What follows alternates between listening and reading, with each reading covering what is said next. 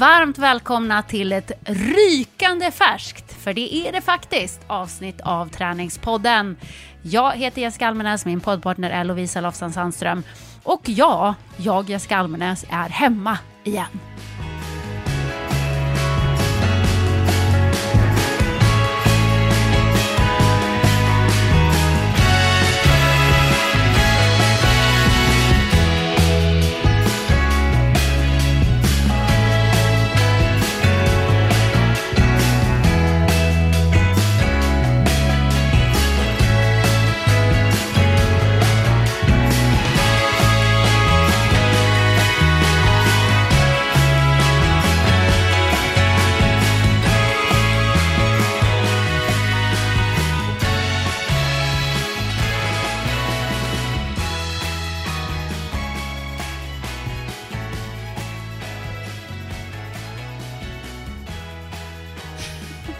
Jag vet inte hur många timmar eller hur få timmar du har hunnit vara hemma. Men det känns som att jag, jag haffade dig liksom med resväskan på vägen hem från Arlanda. Ja men eh, lite så är det ju faktiskt. För att jag kom hem sent, sent igår kväll och eh, tänkte väl att jag kommer att dö nu i några dagar, veckor, ingen aning hur länge, eh, för att jag är ganska trött. Men, eh, men jobbet ska göras, podden ska ut, så då är det ju bara att köra helt enkelt. Det är många som har längtat efter dig. Ja, och jag har längtat hem ska ni veta. Herregud vad länge jag har varit borta. Det är otroligt länge att vara borta. Jag ska inte säga exakt hur många dagar, men eh, jag har varit borta väldigt, väldigt, väldigt många veckor. Och det har varit kämpigt alltså. Det, det var ingen barnlek, det kan man säga. Så jag har längtat också hem till vardagen, hem till poddarna, hem till lyssnarna. Ja, familjen då, men det eh, behöver jag inte ens säga kanske. Nej. Så att eh, nu är jag i alla fall hemma. Lovisa, hur har du haft det? Eh, jag- alltså jag, jag har fått som ett time gap nu, för att det blev lite knasigt att du och jag spelade in förinspelade avsnitt i slutet av sommarlovet. Typ någon vecka innan eh, barnen skulle börja skolan, eller tio dagar innan, så körde vi ett race där vi poddade olika temaavsnitt. Och sen har liksom allting gått jättesnabbt och jättelångsamt samtidigt och nu är du hemma. Och jag, min tidslinje den är eh, lite som ett parallellt universum. Jag har sprungit Tjejmilen. Jag har varit på Activitus och gjort konditionstester. Jag har börjat plugga på GH. Jag har jobbat, eh, jag har tävlat lite i paddling, i kanot. Eh, och sen känns det som att eh, en fjärdedel av höstterminen bara poff. Gud vad så. du har hunnit göra saker. Gud, jag blir helt chockad. Jag sitter här helt stum. Shit, det känns ju som att det var ett halvår sedan vi pratade med varandra. Det är därför det här blir en liten skev, eh, det det blev en skev månad. Och nu är det typ snart oktober. Alltså, ja, vad alltså, hände? Du, ja, vad, vad hände? Och jag vet ju inte hur mycket du har avslöjat för lyssnarna, för att jag har inte hunnit lyssna på några poddavsnitt kan jag säga. Det har inte funnits tid för det. Det har knappt funnits tid för att sova. Så, ehm, eh, så jag har ingen koll på, på hur uppdaterade de är. Det enda jag vet är ju att ehm, båda våra systrar har varit med och poddat. Och det gick bra tror jag. Det kändes som att alla var glada och nöjda med det och tyckte att det var kul inslag. Ja, och det, de kanske är genom åren de som vi oftast pratar om när vi inte pratar om oss själva. Ja men exakt. det är liksom, de återkommer ju på olika sätt i podden. Ehm, och de hade lite olika approach till att eh, dels att vara med i träningspodden men också vad de eh, ville prata om. För att ska man vara med i Sveriges största podd om träning, alltså man måste ju på något sätt känna att man har på fötterna. Ja, det, ja. är ju, det är ju ett sånt stort forum, men det är ju också så ett viktigt forum. Man vill vara personlig, men man kanske inte vill vara privat. Eh, man vill kunna stå för allting man har sagt. Ens kollegor, ens kompisar, en barndomskompisar kanske lyssnar.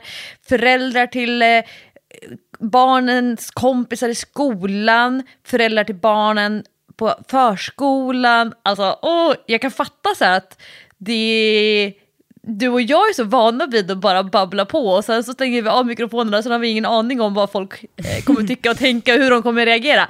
Men det var två väldigt fina avsnitt. I avsnitt, eh, det andra systeravsnittet, det som är med din syster, då har jag haft lite kall med ljudet. Eh, det löste sig hyfsat bra men jag måste lämna in eh, hela min poddutrustning till någon tekniker som ska få kolla på det. Men så det är det förra avsnittet och det förrförra avsnittet, det är de två stora systeravsnitten. Eh, med min syster pratade vi träning efter graviditet, lopp, eh, att förbereda sig för lopp. Och hon kom in ganska mycket på så motivation och började prata om Maslows behovstrappa och självförverkligande. Eh, väldigt intressant twist på det samtalet. Och din syrra, hon berättade om hela sin resa bakåt i tiden kring träning, hälsa, fysisk aktivitet, eh, relation till vikt och också om sin liksom, träning idag. Eh, hur hon har joinat in dig i basketen, hon berättar om sin träningslada, om att hon inte egentligen tycker om att styrketräna, hur hon förhandlar med sig själv att hon inte ska styrketräna, men hon går ändå till gymmet. Så det där var liksom the short recaps av de två senaste avsnitten av eh, Träningspodden.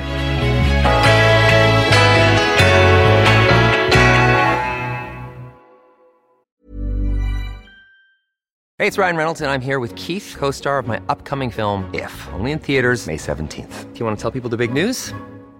All right, I'll do it. Sign up now and you'll get unlimited for $15 a month in six months of Paramount Plus Essential Plan on us. Mintmobile.com slash switch. Upfront payment of $45 equivalent to $15 per month. Unlimited over 40 gigabytes per month. Face lower speeds. Videos at 480p. Active Mint customers by 531.24 get six months of Paramount Plus Essential Plan. Auto renews after six months. Offer ends May 31st, 2024. Separate Paramount Plus registration required. Terms and conditions apply if rated PG. Mom deserves the best, and there's no better place to shop for Mother's Day than Whole Foods Market. They're your destination for unbeatable savings. From premium gifts to show-stopping flowers and irresistible desserts. Start by saving 33% with Prime on all body care and candles. Then get a 15-stem bunch of tulips for just $9.99 each with Prime. Round out Mom's menu with festive rosé, irresistible berry chantilly cake, and more special treats. Come celebrate Mother's Day at Whole Foods Market.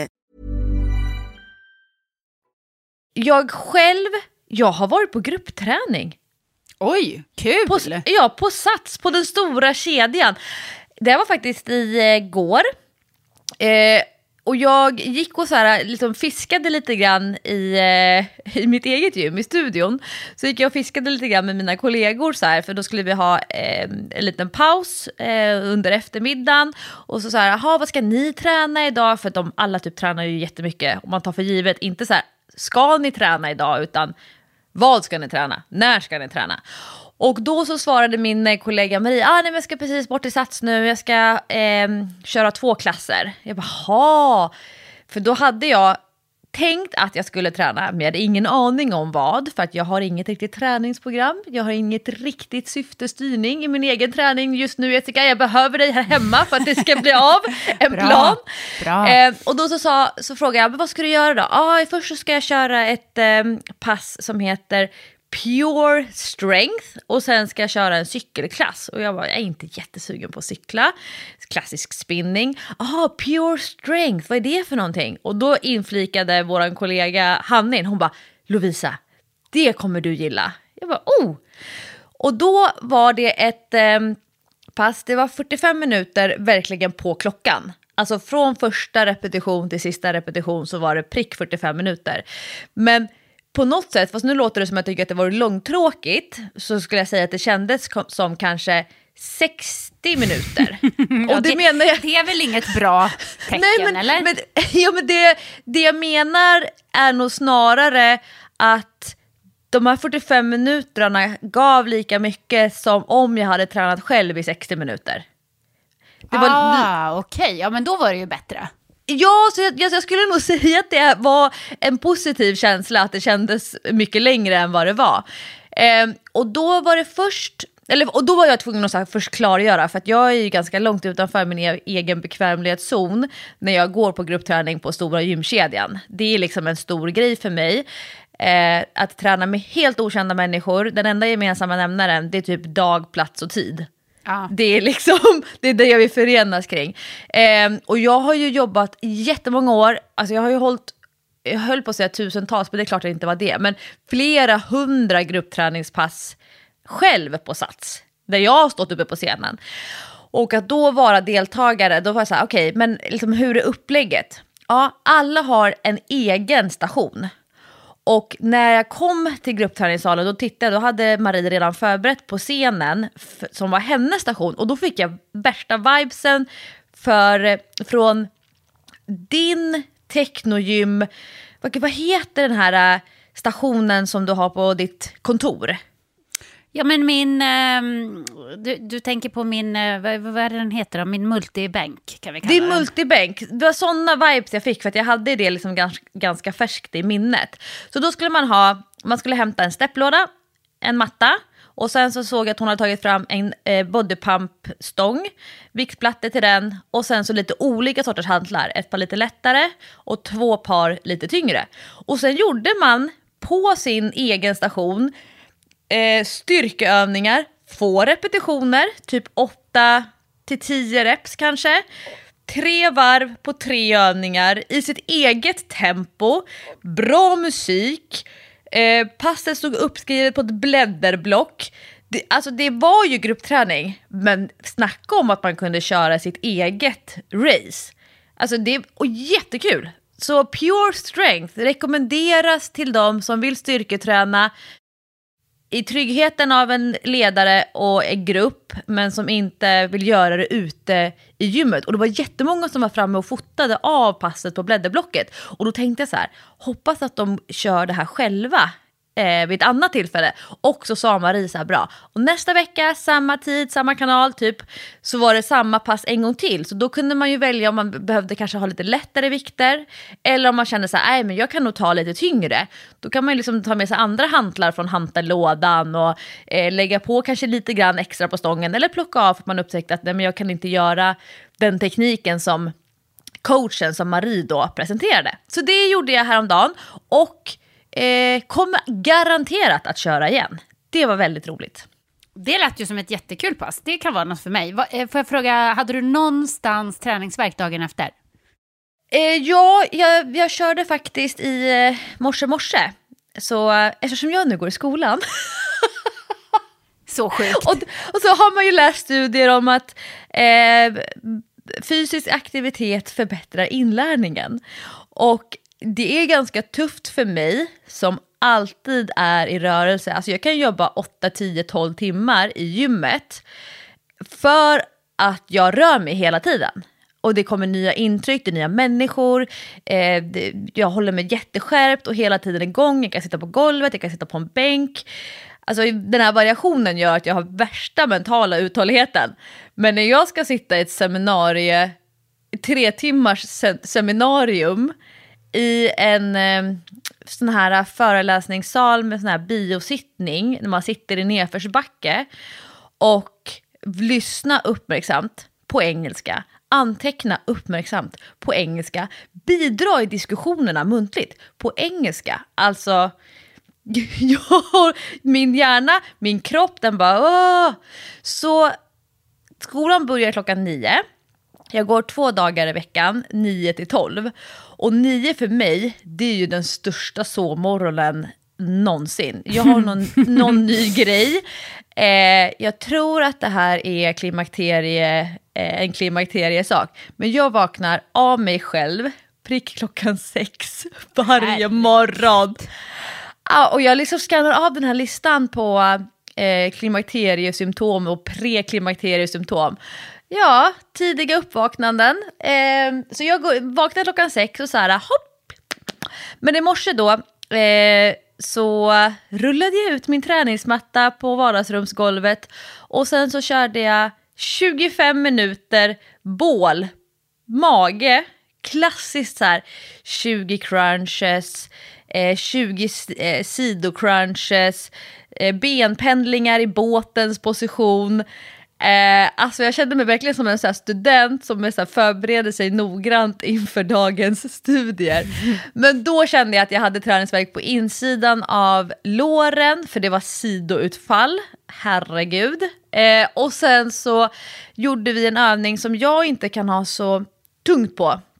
Eh, och det, den kallas för pullover. Man ligger på rygg på stepplådan och så har man en hantel eller kanske två. Och så för man eh, hantlarna och armarna bortåt, bortanför ansiktet med nästan raka armar och så ner mot golvet. Så att man liksom, eh, det är som en det är bara axelleden som rör sig kan man säga. Man gör inga tricepsgrejer med armbågen. Och den är ju jättetuff för mig rörlighetsmässigt, så jag hade inte så tunga vikter på. Men herregud vilken stretcheffekt. Så det var en sån övning som jag tänker så ah, jag ska nog lägga in den som en lite så här forcerad eh, rörlighetsövning. För, förklara igen, för det där lät som något som jag måste göra eh, till, till min rehab på axeln. Ja, alltså eh, en pullover kan man göra i, eh, med eh, ett rep i dragmaskinen. Och då blir ju det som man kan säga som en form av skidåkare. Att man börjar väldigt högt med händerna bortanför eh, huvudet. Och sen så drar man repet rakt ner och händerna passerar förbi höften. En väldigt lång skidåkarrörelse med gipsade armbågar. Och då blir ju fokus på att dra repet neråt, stänga eh, latsen, armhålan. Men ligger man på en stepplåda eller en bänk, då blir det mer att man öppnar armhålan. Belastningen liksom blir excentrisk. Och sen så, så att när Marie visade, hon sa också så här att ja, man kan ju försöka och prova se om man kan nudda golvet med hantlarna när du ligger på rygg på stepplådan. Men jag har ju så korta armar så det finns ju inte en chans att jag ska nudda golvet. Men jag kan uppleva, det, det är en övning som i många bodybuilder-program, jag vet att Arnold, han älskar, eller älskade, pullovers. Alltså ligga med den här jättestora hanten och förlänga bak. Jag tror att han använder den för att få eh, bredd på ryggen. Han, hade så här, han delar alltid upp ryggövningar i, ska de bygga bredd eller ska de bygga djup på övre delen av ryggen? Mm. Eh, och då tr tror jag att han tänker att det är en breddövning för att skulderbladen eh, rör sig liksom bakåt, neråt, ihop. Men sen så är den lite klurig. Jag skulle nog säga att de flesta vanliga människor som jag ser på den stora gymkedjan till exempel som gör pullovers med hantel, att de eh, inte har så bra teknik, att de kanske, vad ska man förklara, de kanske inte går tillräckligt djupt eller att de gör väldigt mycket med armbågen som rör sig istället. Att det blir en tricepsövning och det kan ju vara meningen.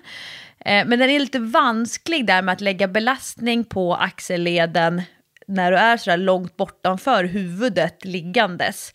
Men för mig var det en skön rörlighetsövning. Någon gång har jag haft ett program till mig själv där det ligger som en styrkeövning, men då får jag inte till det. Det är, det är inte en sån övning som jag känner så här, ja, det här kan jag lägga tid på för att bygga muskelmassa för mig själv. Men det har att göra med min eh, dysfunktionella rörlighet när armarna är över huvudet. Och det blev också så uppenbart, det var en övning i ett sånt här nytt block med tre övningar. Man skulle ha hantel på rak arm och sen göra utfall bakåt varannat ben. Och Marie säger så här, ah, så arm, tänk på att sträcka armbågen. Så tittar jag i spegeln, för det här är en gruppträningssal med jättemycket speglar. Jag bara, jaha, nej men min hantel är liksom på väg att lägga sig i hårtofsen för att min armbåge är så böjd. Så jag kan inte ha så tung vikt som mina ben orkar för utfallen. För att jag har inte rörlighet med armen över huvudet. Och det är väl kanske därför jag ska gå på gruppträning. Så att jag ska liksom utmana mig och inte bli för bekväm i rörlighetspositioner. Ja, men det där lät um, som ett kul pass faktiskt. Det ska jag nog testa på när jag uh, kommer tillbaka till livet igen. För det som kommer hem hit nu till Stockholm är ett vrak. Alltså jag är ett vrak, Lovisa. Du förstår inte. På alla sätt? Nej, men på alla sätt. I skallen, den är, alltså min hjärna är som att den har brunnit upp totalt. Luktar bränt? Ja, men den funkar ju dåligt normalt sett och nu funkar den överhuvudtaget inte. Jag känner mig, jag, jag känner mig lobotomerad typ. Och kroppen då? Kroppen mår piss. alltså, kroppen är i, alltså, i så fruktansvärt dåligt skick. Men du vet ju att jag var ju sjuk där när jag åkte iväg. Så hade oh, jag varit, eh, jag, jag åkte ju på någon slags dubbelsjukdom. För att jag hade ju dels streptokocker som jag fick eh, antibiotika för. Men jag hade ju också något annat i kroppen. För att med antibiotikan så blev jag bra i halsen, men jag hade någon annan... Eh, slags infektion i kroppen, alltså en förkylning eller en influensa eller vad det nu kan ha varit, för att det släppte inte med antibiotikan. Eh, Så att jag var dubbelsjuk, men jag var tvungen att åka iväg ändå, givetvis. Så att jag började ju eh, första veckan där på, på den här inspelningen som var så otroligt eh, tuff med att vara sjuk. Och då är det jobbigt när man ska resa väldigt långt, sitta väldigt mycket, man sover ganska lite. Eh, man måste dra tungt och bära tunga väskor och sådär. Det är inte så kul när man är sjuk och har lite feber och ont i huvudet och ont i bihålor och lock för öronen hade jag hela första veckan. Det var, det var fruktansvärt. Det kan låta som en bisak, men det är hemskt när man inte riktigt hör. När det är som att man är liksom instängd i stora, stora hörlurar hela tiden. Så att allting runt omkring blir väldigt, väldigt dämpat, vilket är jätteobehagligt tycker jag. Så det började med att jag var sjuk, så även om jag hade haft tid att träna så ha- hade jag inte kunnat träna. Och jag hade ju med mig träningskläder givetvis, för jag tänkte jag kan ju inte gå hela den här långa perioden som jag skulle vara borta då, eh, långt över en månad, utan att träna. Jag måste ju röra på mig, jag vet att min kropp behöver det. Eh, men det gick inte där i början och vi hade knappt tid att sova ens i början, så att det, det var liksom in, inget att snacka om. Eh, sen efter ett tag då så eh, kände jag mig lite friskare. Försökte lägga in lite korta träningspass när vi bodde på ställen där det fanns gym. Jag var också ute någon gång och sprang. Men då kändes benen som att ja, men de kändes som bly på ett väldigt obehagligt sätt. Inte så här, åh jag har varit sjuk och jag har inte tränat på länge. Eh, så att det är lite jobbigt att springa det första man gör. Utan det var verkligen, jag kan inte lyfta mina ben. Det var jätteobehaglig obehaglig känsla. Jag kan inte komma på att jag haft det så många gånger i mitt liv. Det var verkligen, mina ben, varje ben väger 50 kilo. Så kändes det. Det var lite läskigt faktiskt. Så att jag körde någon slags gå, springa, gå, springa.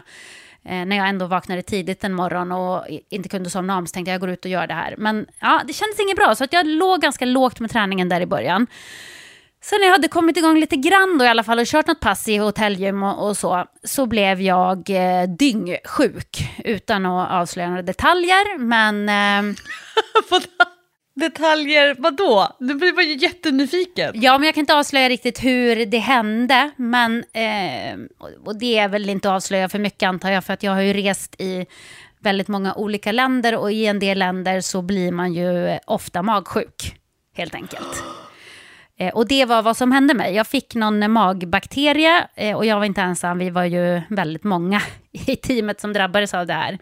Alla kanske skulle jag säga. Eh, och det här ställde ju till det väldigt mycket för mig. Jag blev, först blev jag jätte, jättesjuk, så jag hade 40 graders feber, eh, eh, låg och yrade och eh, ja, var helt borta, helt enkelt. Helt väck. Men de här magproblemen, de hängde i i alltså lång tid, säg typ två veckor innan jag kände att nu funkar magen som den ska. Och då blir man ju lite så här, jag vågar kanske inte äta och dricka så mycket eftersom vi hela tiden är på resande fot. För man vill ju då inte, inte ha nära till en toalett när man inte får behålla någonting. Utan eh, det var väldigt... Eh, det var väldigt obehagligt, för man var tvungen att, att liksom resa vidare. Och jag vågade inte äta och dricka ordentligt. Och eh, jag gick ju ner jättemycket i vikt. Och tappade ju, jag tror jag har tappat varenda muskel jag har på kroppen. Alltså, för det är, ju, det är ju det som man tappar först givetvis. Det är vätska, jättemycket vätska såklart, men eh, också musklerna. Så att jag bara, det var som att jag kände dag för dag hur jag blev svagare och svagare och svagare och tunnare och tunnare och tunnare. Och det var faktiskt obehagligt, för det var så här, varje gång jag ställde mig på en våg så hade jag typ gått ner ett halvt eller ett kilo igen. Och det, och det kunde bara vara två dagar emellan. Eh, och det var ju skitläskigt, för jag var så här, om jag inte kan börja äta igen, hur ska jag, eh, hur ska jag klara det här då? Så här, det här kan inte fortsätta. Eh, Så det var faktiskt inte kul. Sen började jag kunna äta lite grann eh, och eh, tog tillbaka lite grann i vikt i alla fall och det var skönt. Och när jag då kände mig friskare så kunde jag ju återigen då börja träna. Och då har jag kunnat hålla i träningen hyfsat och de senaste veckorna som jag har varit iväg, när vi har varit i länder som eh, har lite mer, eh, vad ska man säga, där det finns lite mer eh, hotellgym och sånt. Eh, och då har jag kört några bra pass och jag har liksom fokuserat på komma upp lite grann i puls eftersom vi sitter så väldigt, väldigt mycket. Vi har suttit väldigt mycket, det blir ju så när man reser, oavsett vilket färdmedel man har, om det nu inte är cykel, och det har det inte varit så mycket av, så, så sitter man ju. Så det har varit väldigt, väldigt mycket stillasittande och jag får jätteont i kroppen av det, ont i ryggen. Plus att det känns som att rumpan blir platt eh, live. Ja, exakt. Man nästan, man ser, man nästan ser hur platt den är. Och när man också då har gått ner så mycket i vikt och förlorat allt extra som man har så är det ju som att man sitter direkt på sittbenen och det är ju inte speciellt skönt. Så att det har ju gjort jätteont i, i rumpan av allt sittande. Men också har jag blivit stel, eh, fått ont i ryggen för att jag blir kort i höftböjare när jag sitter så mycket. Eh, och känt ibland så här, men min kropp, alltså den vill bara dra ihop sig. Det var som att jag var en liten snigel som ville krypa in i mitt skal. Jag kunde liksom inte sträcka upp axlarna, jag orkade inte hålla upp kroppen. Världens sämsta hållning, ont överallt, jättejobbigt. Så jag prioriterade när jag var på gymmet att köra ganska mycket rörlighet. Jag körde eh, en hel del rehab för min axel. För att liksom få upp kroppen igen, få upp hållningen lite grann. Jag körde lite eh, vikter på, alltså på egentligen på alla olika kroppsdelar för att bara väcka musklerna lite och känna så här, de är där, de fungerar. Eh, och inte supertungt, men ganska många repetitioner istället. Och så få upp pulsen kände jag, det måste jag när jag sitter så här mycket. Så att jag har kört jättemycket allmänhetsintervaller. Världens bästa Oh. pass ju. Ja men Åh! världens bästa pass. Och när jag hade varit sjuk där, jag började med väldigt få, så jag sprang bara fem intervaller i början. Och sen ökade jag, så sprang jag sex nästa gång, och sen sprang jag sju, och så sprang jag åtta, och sen sprang jag tio. Och sista gången jag sprang så sprang jag tretton. Så att då kände jag eh, att nu börjar jag få tillbaka lite ork, och det känns väldigt, väldigt bra när man har känt så här, gud, jag försvinner liksom i realtid eh, obehaglig känsla. Så att, nu har jag i alla fall kommit igång lite grann, men jag har eh, mycket jobb att göra för att bygga upp kroppen igen. Och, och eh, jag har ju sagt det till mitt basketlag, jag är inte säker på att jag kan träna ordentligt förrän runt jul, för att jag måste bygga upp kroppen. Den är ju... Eh, jag vet inte, men jag har, jag har Motsatsen verkligen... till robust kanske. Ja, det kan man säga. Jag har absolut inga muskler och jag har plattare röv än någonsin. Så, så kan man uttrycka det. Ja, det är kämpigt. Men eh, nej, jätte... Apropå, nu är det inte din syster eller någon, någon, någon som är obekväm med att prata privat i träningspodden. Men, men kom, nu kommer en privat fråga. Det går bra. Det brukar du inte vara rädd för att ställa. Nej, och så kan du säga om du inte vill svara. Ja, absolut. Men, men eh, när du blir sådär smal, eh, eh, kan det trigga på ett sätt då att det är så du vill se ut fast samtidigt känna dig energisk? Alltså att vara smal och ha låg energi är ju en sak, men kan det trigga någonting i dig så här att, att det ändå är, är ganska snyggt och du skulle vilja se ut så? Alltså, jag har, ju, jag har ju velat gå ner mina gravidkilon som jag inte har blivit av med efter Sam. Eh, och det var, han föddes ju 2017, så det har, de har ju hängt med ganska länge. Eh, och eh, det eh, tycker jag ju gör ju ingenting, att jag har blivit av med dem. Men jag tycker inte om att känna mig så här svag. Det känns inte alls bra. Jag tycker inte om att inte ha muskler på kroppen. Jag känner inte igen min kropp när jag inte har muskler på kroppen. För att jag, jag har eh, de senaste, vad ska man säga, men säga jag var utbränd i alla fall 2015.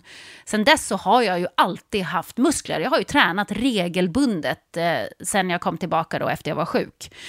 Så det känns väldigt ovant och det känns väldigt jobbigt att inte kunna... Jag vet inte, det känns som att jag inte riktigt kan ta hand om mig själv när jag är så svag. Det är svårt att beskriva, men det känns som att men gud, jag orkar inte lyfta tunga saker. Eh, jag tycker inte om den här känslan av att eh, det känns som att jag kan gå av på mitten när som helst. Det, är ingen skön känsla. Så att jag är absolut inte missnöjd med att bli av med, med eh, de där sista gravidkilorna. För de som jag hade runt magen framför allt, de, de var inte roliga. Men jag vill ha tillbaka mina muskler. De måste komma tillbaka. Alltså jag måste lägga på mig fem kilo muskler, känner jag. Och jag vet inte, bara jag inte nu blir stressad och, eh, och tänker att jag ska bara köra superintensivt som jag brukar göra. Du vet ju att jag kan ju, kan ju bli helt galen. För då kommer jag nog att göra illa mig. Jag kanske skadar mig för att jag är så nedbruten och svag just nu helt enkelt. Så att jag måste bromsa, där får ju du hjälpa till lite Lovisa, att jag bromsar eh, lite grann och inte tränar ihjäl mig. Nej, alltså jag tänker ju eh, direkt så här, kroppsviktsövningar för underkroppen. Alltså att du eh, behöver inte ens lägga på vikter för att eh, belasta framsida lår, baksida lår och rumpa. Och att kanske tvärt vad, vad man tänker för underkroppen, inte göra kroppsviktsövningar för överkroppen. Alltså att armhävningar, i och för sig har du haft svårt att göra armhävningar med ditt nyckelben, mm. eh, men det är ju lätt, alltså hellre köra, eh, köra eh, eh, lätta, vikt, lätta hantlar och göra liggande hantelpress än att ställa kroppsvikten på överkroppen och göra armhävningar även om de är på knä. För många tänker så här, men börja med kroppsviktsövningar. Ja, fast för överkroppen så är ju kroppsviktsövningar ofta tunga. Ja, exakt. Det är det ju faktiskt. Och, och det jag har faktiskt tänkt på det nu när jag har kört lite gymträning ändå, att inte ta för tunga vikter. Det är ju lätt hänt att man bara går tillbaka där man var innan man blev sjuk och, och sådär, innan jag åkte iväg. Ja. Eh, men du vet, de kan ju inte rubba de vikterna. Så att Nej, jag... och det kanske också är en signal om att eh, du inte ska använda den typen av eh, belastning. Jag, jag, kan, skulle också kunna se att Eh, ur ett återhämtningsperspektiv så eh, kan det ju vara rätt bra att eh, satsa på minimumdos. Alltså de allra flesta av oss vill ju alltid liksom ha en större dos, större dos. Vi tycker inte att 20 minuter är tillräckligt, det måste vara 45 minuter för att det ska räknas. Eh, och, eh, man kan ju se när man gör liksom, riktigt noggranna studier med muskelbiopsier och liknande så kan man se att ja men folk eh, kanske tränar mer än vad de får resultat av.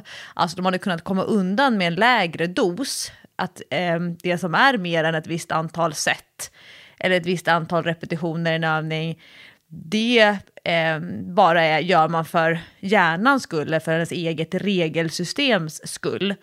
Eh, men att i ditt fall eh, satsa på en minimumdos, att alltså, okay, men 20 minuter kommer att vara alldeles tillräckligt för att stimulera den muskeltillväxten eh, som, som krävs. Alltså att du kommer få utveckling av att göra 20 minuter. Skulle du göra 40 minuter så är det inte alls säkert att de extra 20 minuterna skulle göra någon skillnad.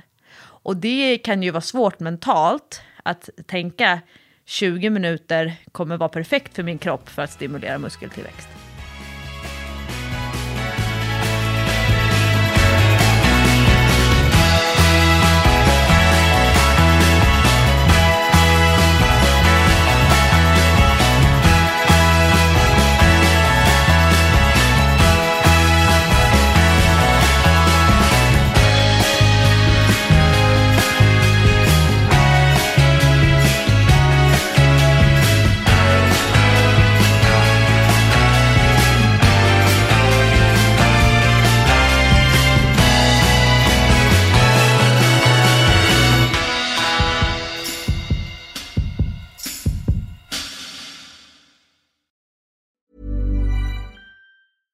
A lot can happen in the next three years. Like a chatbot may be your new best friend.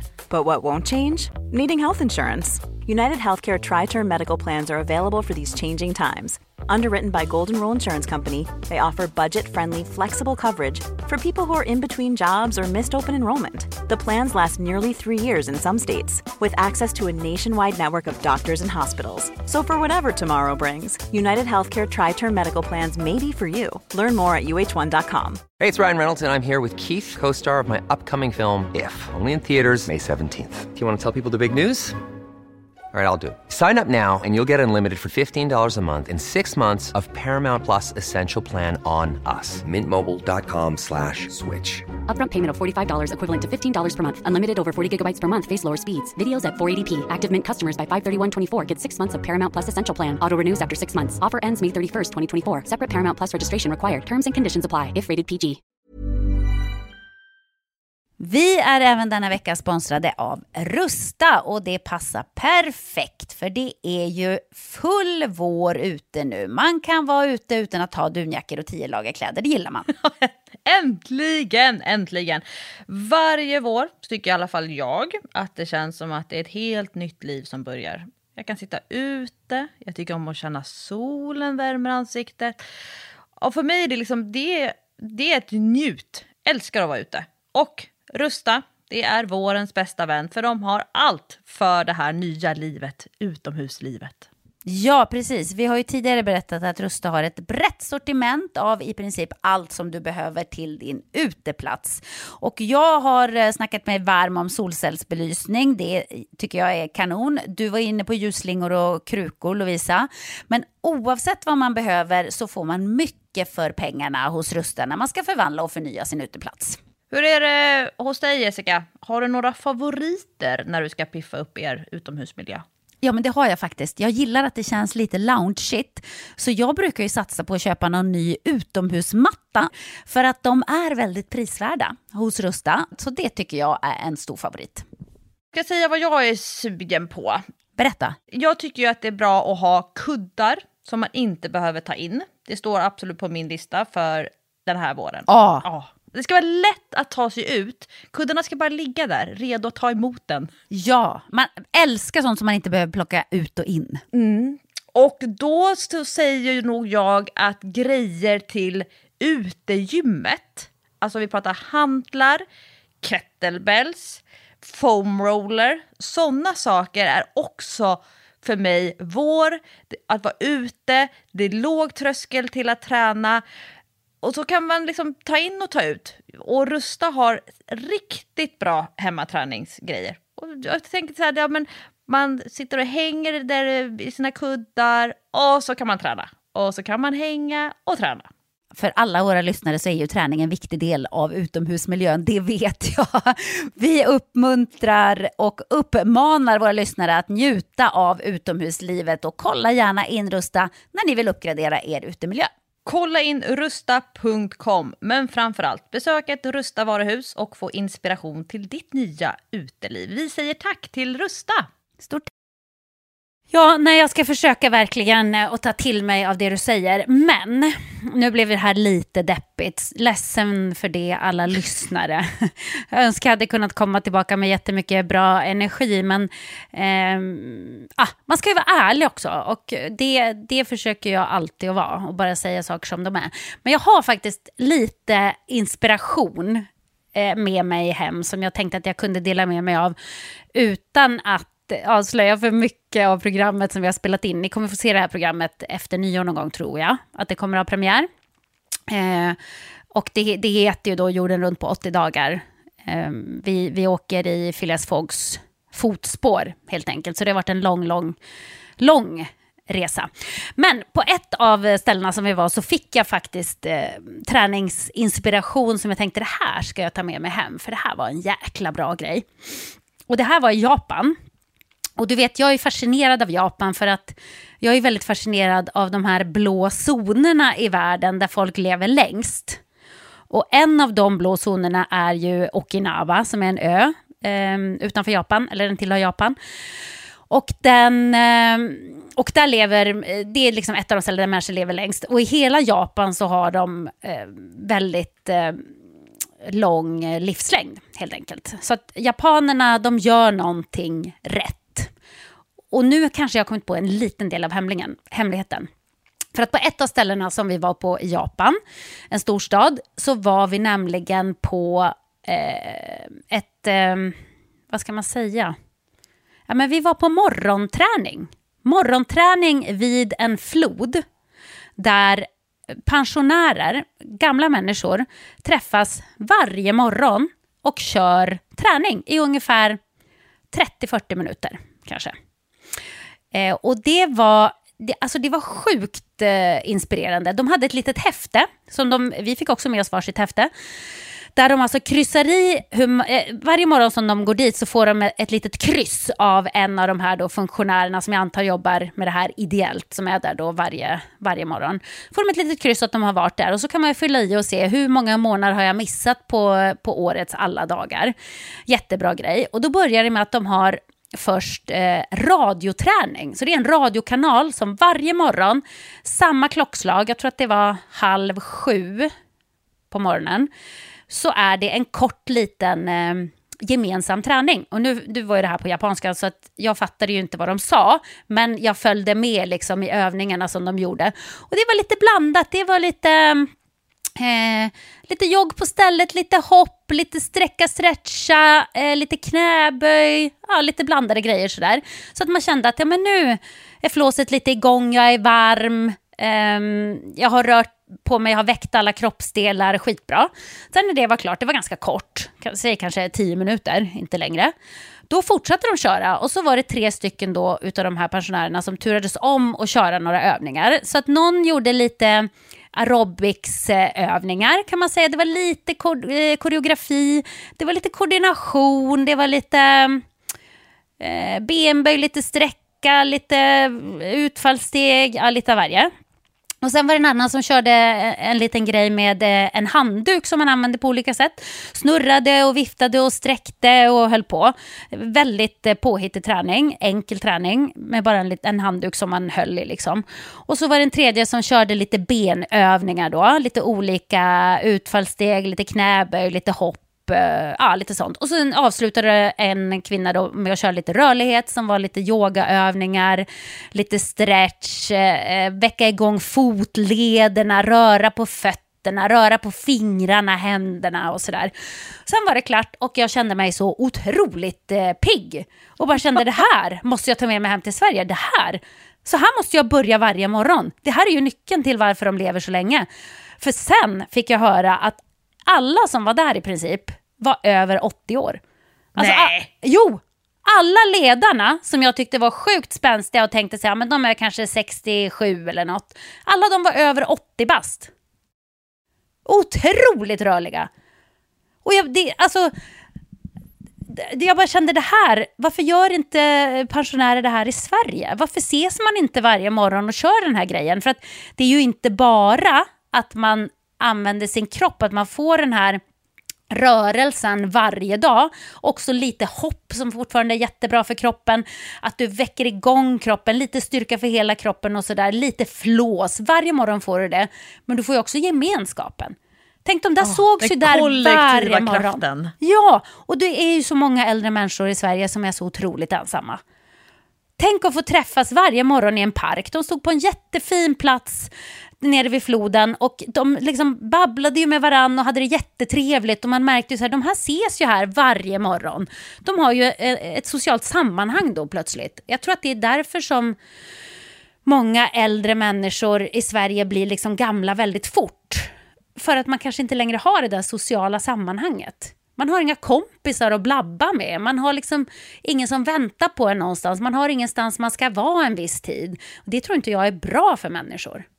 Men, men vad intressant, eh, för att jag har nämligen haft eh, en lite liknande upplevelse fast bara som observatör, inte som deltagare de senaste veckorna. Alltså nu medan du har varit borta. Åh, oh, berätta!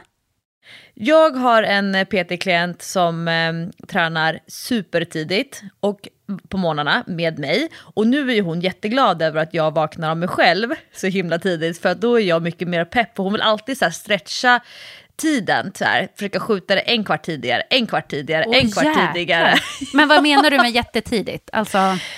Eh, nej men vi, eh, nu är alltså nu har vi väl hamnat i ett läge där vi samlas i parken, eh, hon och jag, kvart över sex. Det är tidigt. Det, det är väldigt tidigt. Supertidigt för morgonträning. Under en timme så kanske två eh, hundägare som har hunnit ut de kommer liksom från prick sju och sen framåt, då börjar liksom hundägarna komma till parken. Mm. Men jag kan säga kvart över sex, kanske att det, vi har liksom, de här pandemivalparna har ju liksom blivit äldre nu, så nu vill väl de ha lite mer sovmorgon. Men det var ganska mycket pandemivalpar ute när vi tränade ja, för något år sedan, när det liksom var ja, den boomen. Just det. Men, men så vi tränar då supertidigt ute eh, två månader i veckan. Och eh, en, av de första, en av de första veckorna när vi tränade så eh, ser vi så här långt borta på andra sidan fotbollsplanen så kommer det två personer. Eh, det går väldigt långsamt gåendes och en hund. Och eh, de här två personerna har då matchande klassiska svarta Adidas-overaller. Den här eh, Three Stripes. Mm, ja. Med blixtlås på jackan och eh, byxorna till. Och så sportiga gympaskor.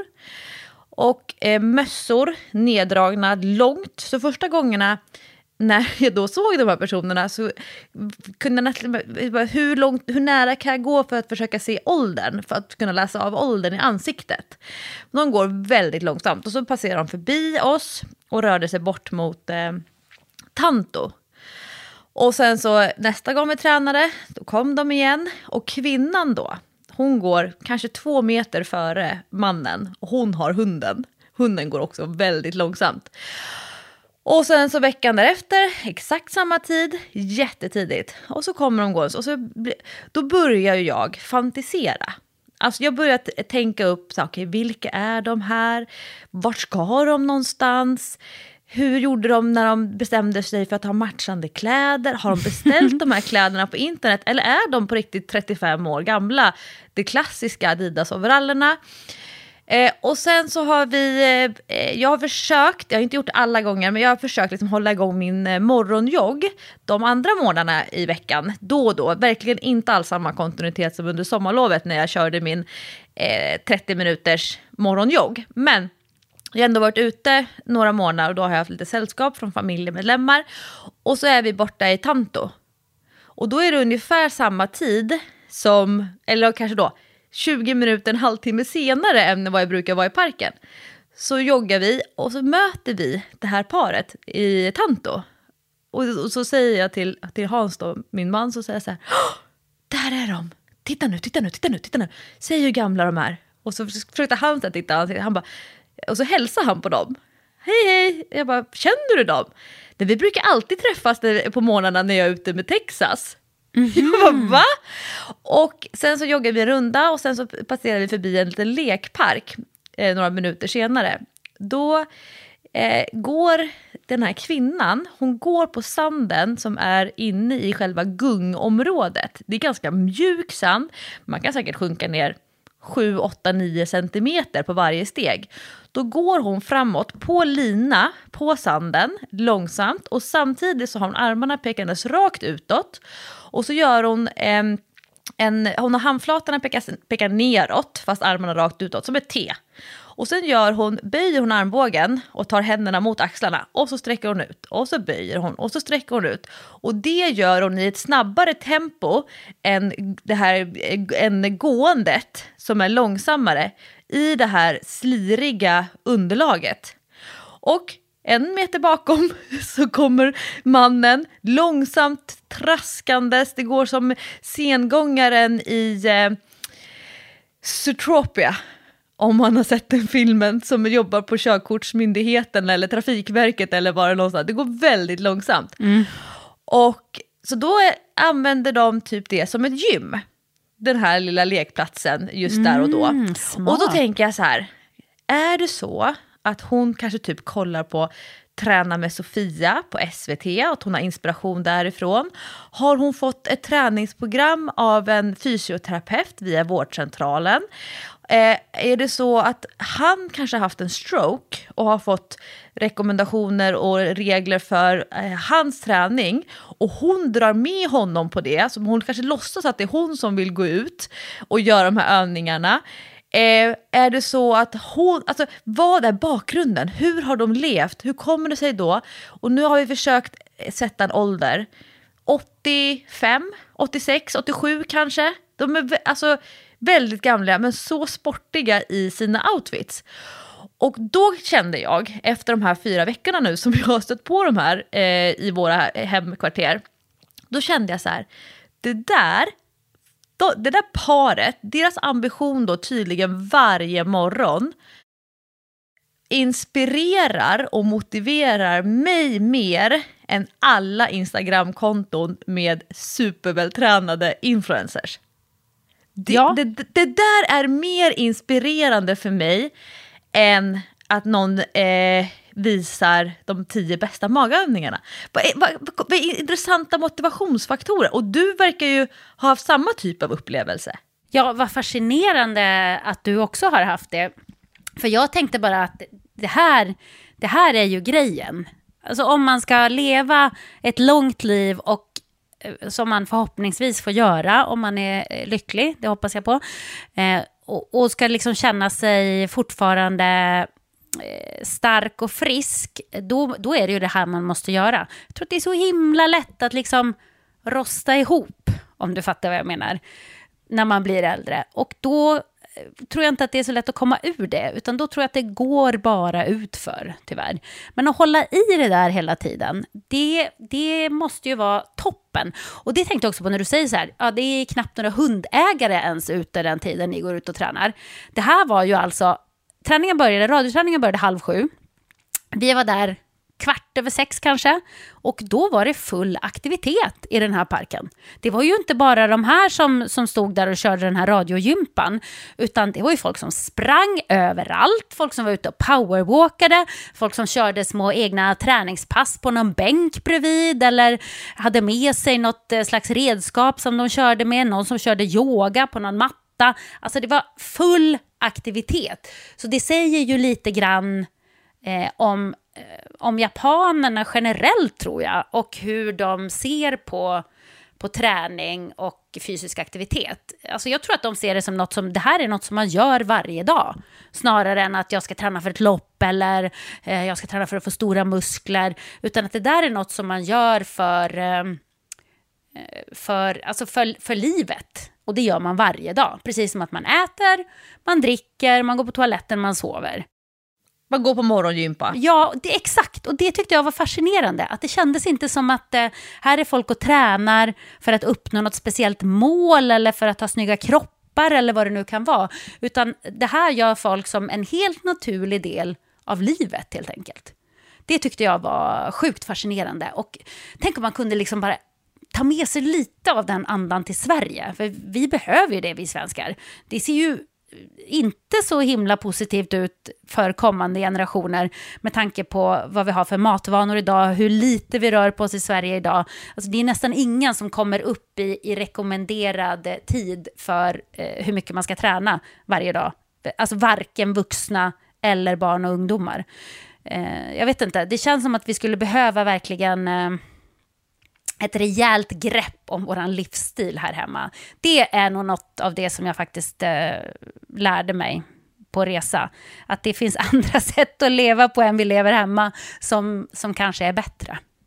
Ja, och det här är, har ju visat sig vara ett ehm, eh, grepp, och, eller snarare ett argument från människor. Alltså, jag rör på mig lika mycket som alla andra. Jag rör inte på mig mindre än någon annan. Och så de man jämför sig med, de rör på sig för lite. Exakt. Alltså att man hela tiden beskriver sig själv i relation till andra. Men om de andra eh, inte heller gör tillräckligt, då säger det inte så mycket om att du gör eh, din egen nivå. Det är som när folk ska, Eh, när man pratar om alkoholintag eller hur mycket socker man äter, hur mycket skräpmat man... Jag äter inte onyttigare än någon annan.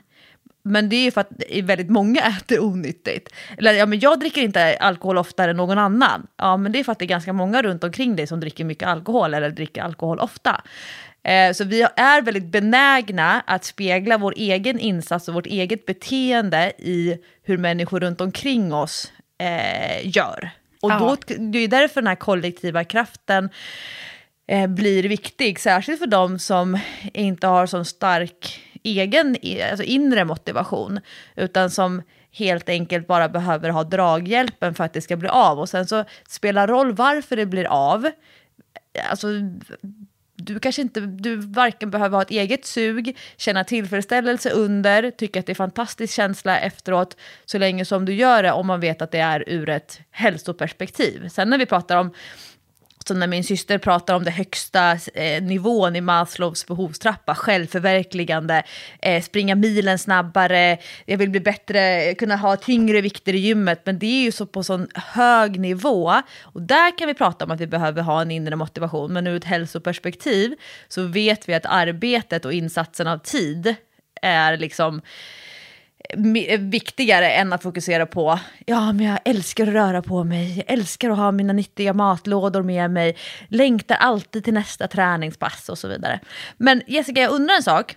Skulle, om du skulle göra en topp tre-lista över eh, de mest positiva träningsupplevelserna under den här resan, utan att spoila nu, mm. eh, ligger det här passet för jag, jag säger ju ändå att det, det, är ett träningspass. Ligger ja. det på då topp tre-listan för dig? Är det, kanske, är det kanske till och med så att det där kommer du minnas för resten av livet? Ja, jag tror jag kommer att minnas det för resten av livet, för att det, eh, jag vet inte, det, det verkligen väckte något i mig. Det var som att en, en peng trillade ner, kling! Nu fattade jag grejen på något sätt. För du har ju ofta pratat om eh, den här delen av världen i träningspodden. Så det är ju någonting som, eh, som du går runt och tänker på mycket. Ja, men jag, jag har tänkt mycket på hur lever de som gör eh, att de lever längre och är friska långt upp i åldrarna än vad vi är här i västvärlden, får man väl generalisera det till att säga. Eh, och, och, och för, jag tror jag var tvungen att uppleva det själv för att förstå grejen. Jag har ju pratat ofta om att där i Okinawa, de gör liksom yoga varje morgon, står på stranden där och, och håller på med sina rörlighetsövningar. Men jag tror man var tvungen att se det själv för att fatta. Eh, och eh, absolut är det här på topp tre-listan av träningspass under den här resan. Sen hade jag ett till som var sjukt roligt, men det kan jag inte berätta om för det blir för specifikt. Men det, oh! det var faktiskt också i Japan. Det var Åh, det kommer jag heller aldrig att glömma så länge jag lever. Så att eh, några av de absolut starkaste minnena från resan är faktiskt träningsrelaterade. Det kan jag glädja er med allihopa i Träningspodden. Men jag fick en insikt till faktiskt eh, och det gäller kosten. Det är på lite samma tema. För att vi var ganska länge i olika asiatiska länder eh, och där äter man ju lite annorlunda kost helt enkelt. Om man tar Japan bara som ett exempel. De desserterna som vi åt i Japan, eller som serverades i Japan, de är Alltså, de är typ inte söta. det, är, det är svårt att, att, förklara, men det är inte speciellt eh, sockriga desserter som man får där, utan det är... Eh, jag vet inte, och det var ju svårt att vänja sig vid, för när man beställde in en dessert och så fick man in någonting som man bara, men gud vad, vad är det här? Det här smakar som... En sorts dessert de har, det är typ risbollar, runda risbollar. Det låter konstigt, men de är gjorda på ris, men de ser ut som, alltså de är i olika färger, kanske ljusblå, rosa, ljusgula, bla bla bla. Så det ser inte ut som ris. Men ris är liksom basen när man gör dem. Och så ska man doppa dem med lite grejer. Någon var väl någon lite sirapaktig grej och eh, ja, det var något lite pulver som jag trodde var lakrits, men när jag smakade på det så var det något annat. Eh, matcha använder, äh, använder de jättemycket i desserter. Matcha är, förlåt men det är skitäckligt tycker jag. Det är inte gott, det smakar typ sjögräs. Men det, det är liksom väldigt vanlig ingrediens i deras desserter. Så de är inte men så söta. Men är inte det matcha latte? Eller varför, varför känner jag igen matcha som att det liksom är någonting som eh, folk håller på med? Jo, men det, det är ju nyttigt. Jaha. Det finns ju en anledning till att, de, till att de använder det i Japan. Det är ju supernyttigt, men det är inte gott. Jag tycker inte det är gott. Sen finns det säkert många som tycker att det är gott, men jag tycker inte att det är gott. Det smakar sjögräs. Och mycket av maten i Japan smakar sjögräs. De äter ju mycket från havet. Eh, de äter ju sjögräs typ. Eh, de äter mycket fisk, jättemycket fisk. Där har du en till grej. Jättebra för hjärnan att äta så mycket fisk som de gör. Fet fisk. Men maten är inte heller speciellt mycket saltad. Det känns som att det är inte så mycket tillsatser i maten. Den är ganska clean. Det är klina ingredienser. Det är ris, det är fisk, det är grönsaker. Och jag gillar inte så mycket salt, så för mig var ju det kanon. Men många andra som var med på resan tycker ju om mat som är saltad, vilket vi, vi gör väldigt mycket i Sverige. Vi gillar ju saltad mat. Och då är det så att det står inte ens salt och pepparkar framme på borden. Utan det får du i sånt fall be om, om du vill ha mera salt. Så maten är liksom inte speciellt mycket saltad. Och när man då kommer från detta och har levt i det här i några veckor och så åker vi till USA. Åh, oh, oh, jag fattar. Fattar du skillnaden? Fattar Ja. du hur, hur oerhört tydligt det blev för mig vad vi stoppar i oss skit i jämförelse med vad man äter på andra ställen i världen, till exempel i Japan. Och plötsligt så förstod jag skillnaden, men man var tvungen att uppleva den för att fatta. Och inte under så här, nu har jag varit i Japan en lång weekend och kommer hem, då, det, det räcker inte.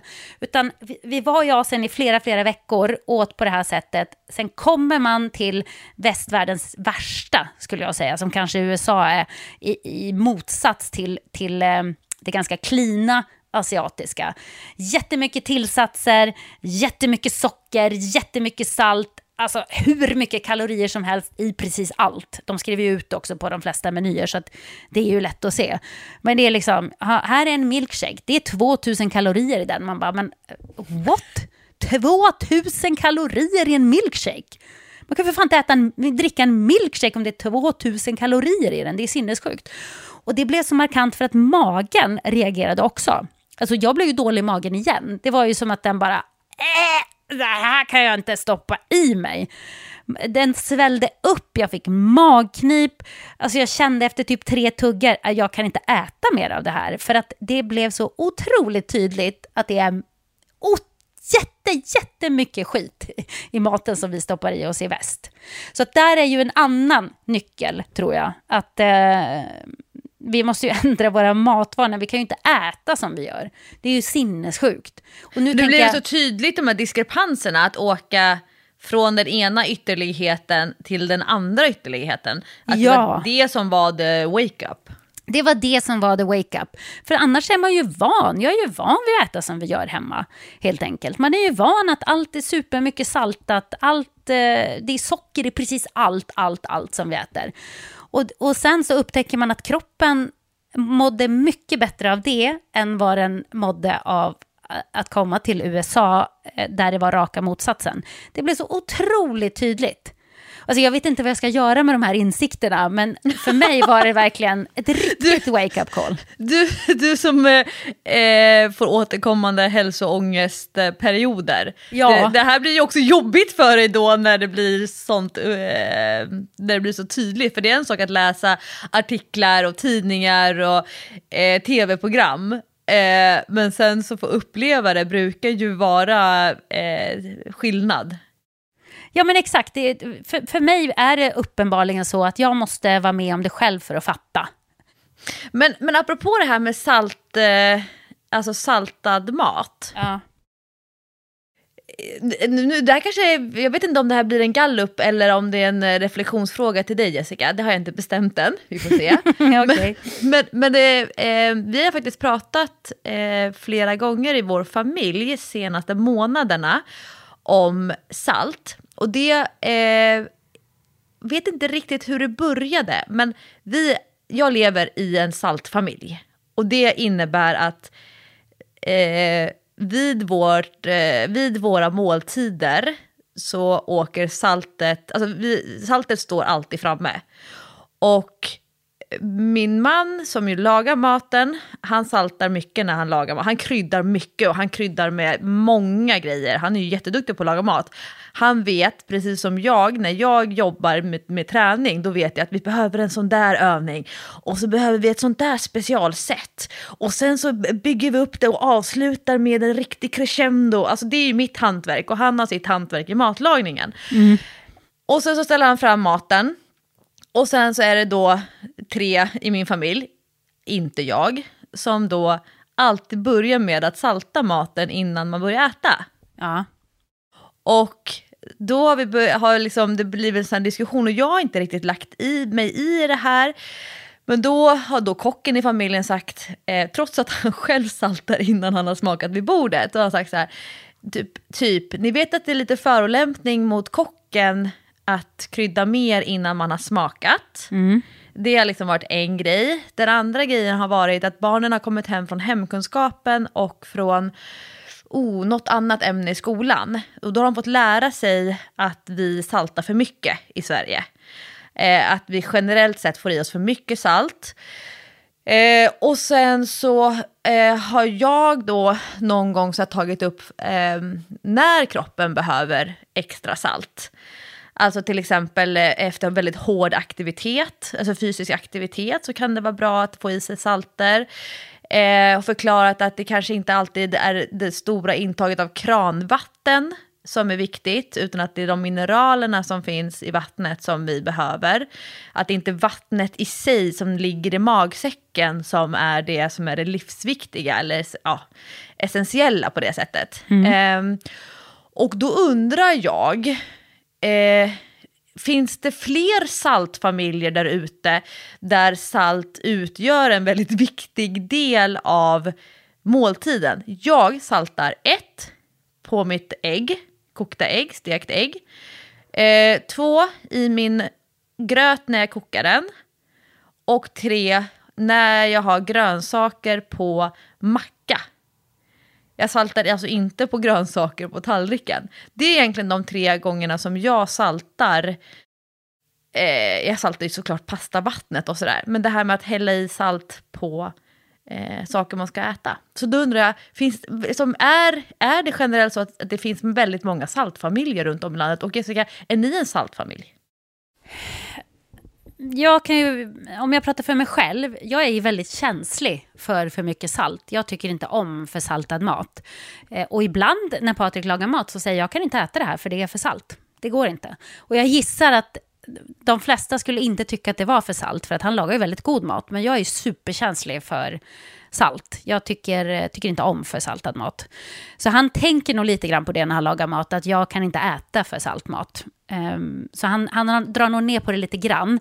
Ja, men mina barn saltar inte extra, det gör de inte. Eh, så att jag skulle inte säga att vi är en saltfamilj. Men jag vet ju väldigt många som är det. Jag blir oftast fascinerad när jag är ute med kompisar på restauranger och sånt. Vi äter samma sak och de ska salta extra. Och jag säger, men va? Hur ska du salta det här extra? Alltså, då tycker jag redan att det är salt, om du fattar. Ja. Ja, och det som jag tänker då när barnen har kommit hem från skolan och lärt sig att vi äter för mycket salt, då tror och tänker jag att det kanske inte i första hand är för att vi sitter och saltar maten jättemycket vid bordet, utan att vi äter väldigt mycket eh, hel och halvfabrikat som är saltad i fabrik. Att vi äter mycket snacks eh, som är saltat, popcorn, chips, eh, ah, den här stora Doritos-trenden som ju inte fanns när du och jag var barn, att det fanns liksom 17 sorters Doritos bredvid chipsen. Och det finns ju hur många sorters chipspåsar som helst, men att det är väldigt mycket salt där. Jag tänker... ehm, sojan i sushi, alltså so- sushi är jättegott att äta, jag tycker det är jättegott att doppa i soja. Men törsten eh, av att ha efteråt, av att ha det här saltet som är i sojan. Men jag bara tänker så här att det kanske inte är bordsaltet som är det stora problemet, men det är det barnen själva tycker att de kan påverka. Så det är det de så börjar fundera över, medan det kanske då snarare är saltet i andra typer av livsmedel som är boven till att vi skulle då kanske ha ett saltlarm i Sverige. Att det snarare handlar om att begränsa intaget av helfabrikat och snacks snarare än att det ska vara saltkaret vid bordet. Ja, men ja, ja, man vet ju att givetvis, smaker vänjer sig, eller man vänjer sig vid smaker. Är man van att äta salt, då kommer man vilja ha salt. Och då smakar det jättekonstigt om man inte har så mycket salt. Ja, så, det var, med min mormor var det så, när hon blev eh, äldre, eh, eller gammal då, eh, så saltade hon mer och mer och mer och mer och mer. Så till slut var det, för mig var det ju helt oätbart. Hennes mat gick inte att äta Inflation. till slut. Ja, men det blev så. Men det var väl att smaklökarna dog lite grann då, kanske med åldern. För, för hon var tvungen att ha jättemycket salt för att känna smak. Eh, och jag kunde bara inte förstå hur man kunde äta mat med så mycket salt. Men det, det är väl så att man faktiskt vänjer sig. Och det är också så som du säger, det är klart att eh, framför allt så är det ju all skit i form av snacks och halvfabrikat som vi stoppar i oss, som är liksom de stora bovarna där. Men också det där med vänjer man sig och bara vill salta mer och mer och mer och mer, då hamnar man ju i någon slags spiral där maten måste vara väldigt saltad för att överhuvudtaget smaka. Och det ska ju sägas att eh, de har ju soja i Japan också, men jag gissar att de typ använder det som salt. Alltså det är det salta som som kommer med maten. Vet du vad som var mer var fascinerande? Det, det glömde jag säga. Deras sushi, den är ju helt annorlunda än våran. Är, är det så? Ja, vet du varför? Det, vi har ju så otroligt mycket ris. Alltså om du tar en sushi, jag måste alltid bita av riset för att det är som en stor klump med ris på en sushi. Men när man beställer in sushi i Japan, då får du en rejäl fiskbit. En rejäl fiskbit, tjockare oftast än vad vi brukar få hemma i Sverige. Och större och mycket mindre ris. Kanske hälften så mycket ris som vi får på en sushibit eh, hemma i Sverige. Och det var ju också intressant tyckte jag. För att då blir du ju mätt på den feta fisken istället för att bli mätt på ris. Och det där, vi äter ju alldeles för lite fisk tror jag i Sverige också. Alldeles för lite fisk äter de flesta. Fisken är ju jätteviktig för hjärnan framför allt. Så är det ju viktigt att få i sig fetterna som finns eh, nästan bara i fetfisk. Nu kommer jag på en sak som har etsat sig fast i mitt bakhuvud, men som jag inte har tänkt på på eh, något år kanske. Vadå? Kommer du ihåg en tidning som hette Fitness Magazine? Ja, den har jag varit på omslaget på. ja, och jag också, tror jag. Eh, men den, den var ju den största tidningen på svenska inom träning, hälsa, fitness. Eh, den var ju väldigt liksom det som idag är träningsinfluencers. Mm. Och eh, det här var ju i samma veva, alltså den, den tidningen pikade väl i samma veva som Les Mills slog igenom internationellt.